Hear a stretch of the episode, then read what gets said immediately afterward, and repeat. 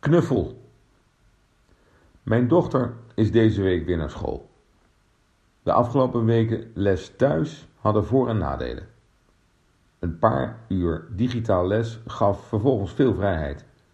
Maar fysiek contact met de juf en met vriendinnen werd dan ook echt gemist. Als we inzoomen op dit digitale coronatijdperk, horen we in de evaluatie veel voordelen. Onder druk van onze vrijheidsbeperking is videovergaderen echt doorgebroken.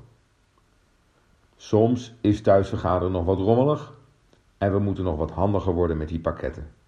Maar het is duidelijk: digi-vergaderen is here to stay. Tegelijkertijd missen we elkaar. Nabijheid. Het idee elkaar aan te kunnen raken.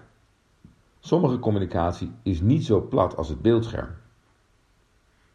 Je zult in deze periode maar in je nieuwe job zijn begonnen en je team slechts op afstand kunnen spreken. En wat te denken van sollicitaties.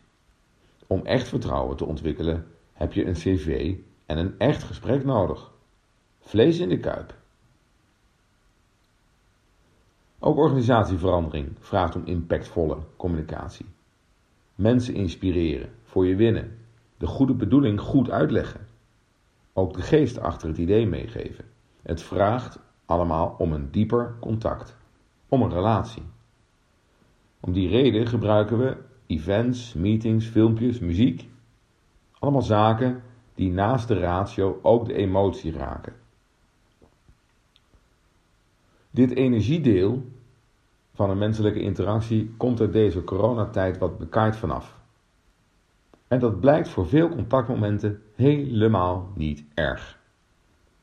Als je je team al kent en vertrouwen hebt, vertrouwen hebt in de competenties en intenties, werkt functioneel contact via video voldoende.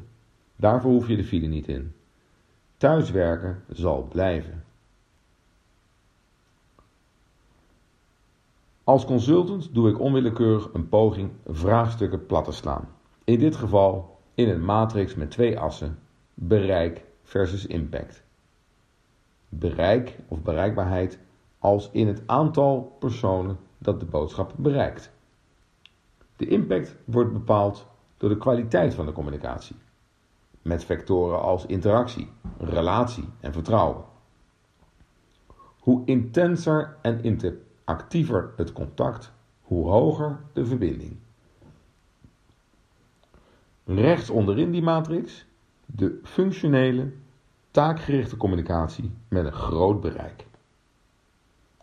Linksbovenin de verbinding met een klein bereik. Voorbij de intelligente lockdown gaan we tot een nieuw evenwicht komen waarin beide uitersten gaan blenden. Afhankelijk van doel en aard van de communicatie gaan we differentiëren tussen fysiek en digitaal. Daarna zullen we zelfs synergie kunnen ontwikkelen. Innovatiever dan alleen maar een nieuw evenwicht van de twee. AI-technologie maakt immers ook interpersoonlijke processen kwantitatiever. Zo matchen algoritmes cv's als hulpmotor voor een searcher. En zo bepalen social media met gedragscookies al jaren per gebruiker per moment welke informatie of welke commercial relevant is. Daarmee ontstaat er de kans op persoonlijke impact met een groot bereik, rechtsboven in de matrix. Ook verandercommunicatie zal daardoor tailor-made worden.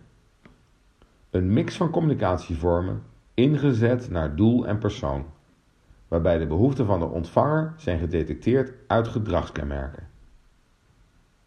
De een wordt deelgenoot in interactieve workshops, voor de ander volstaat een video-instructie.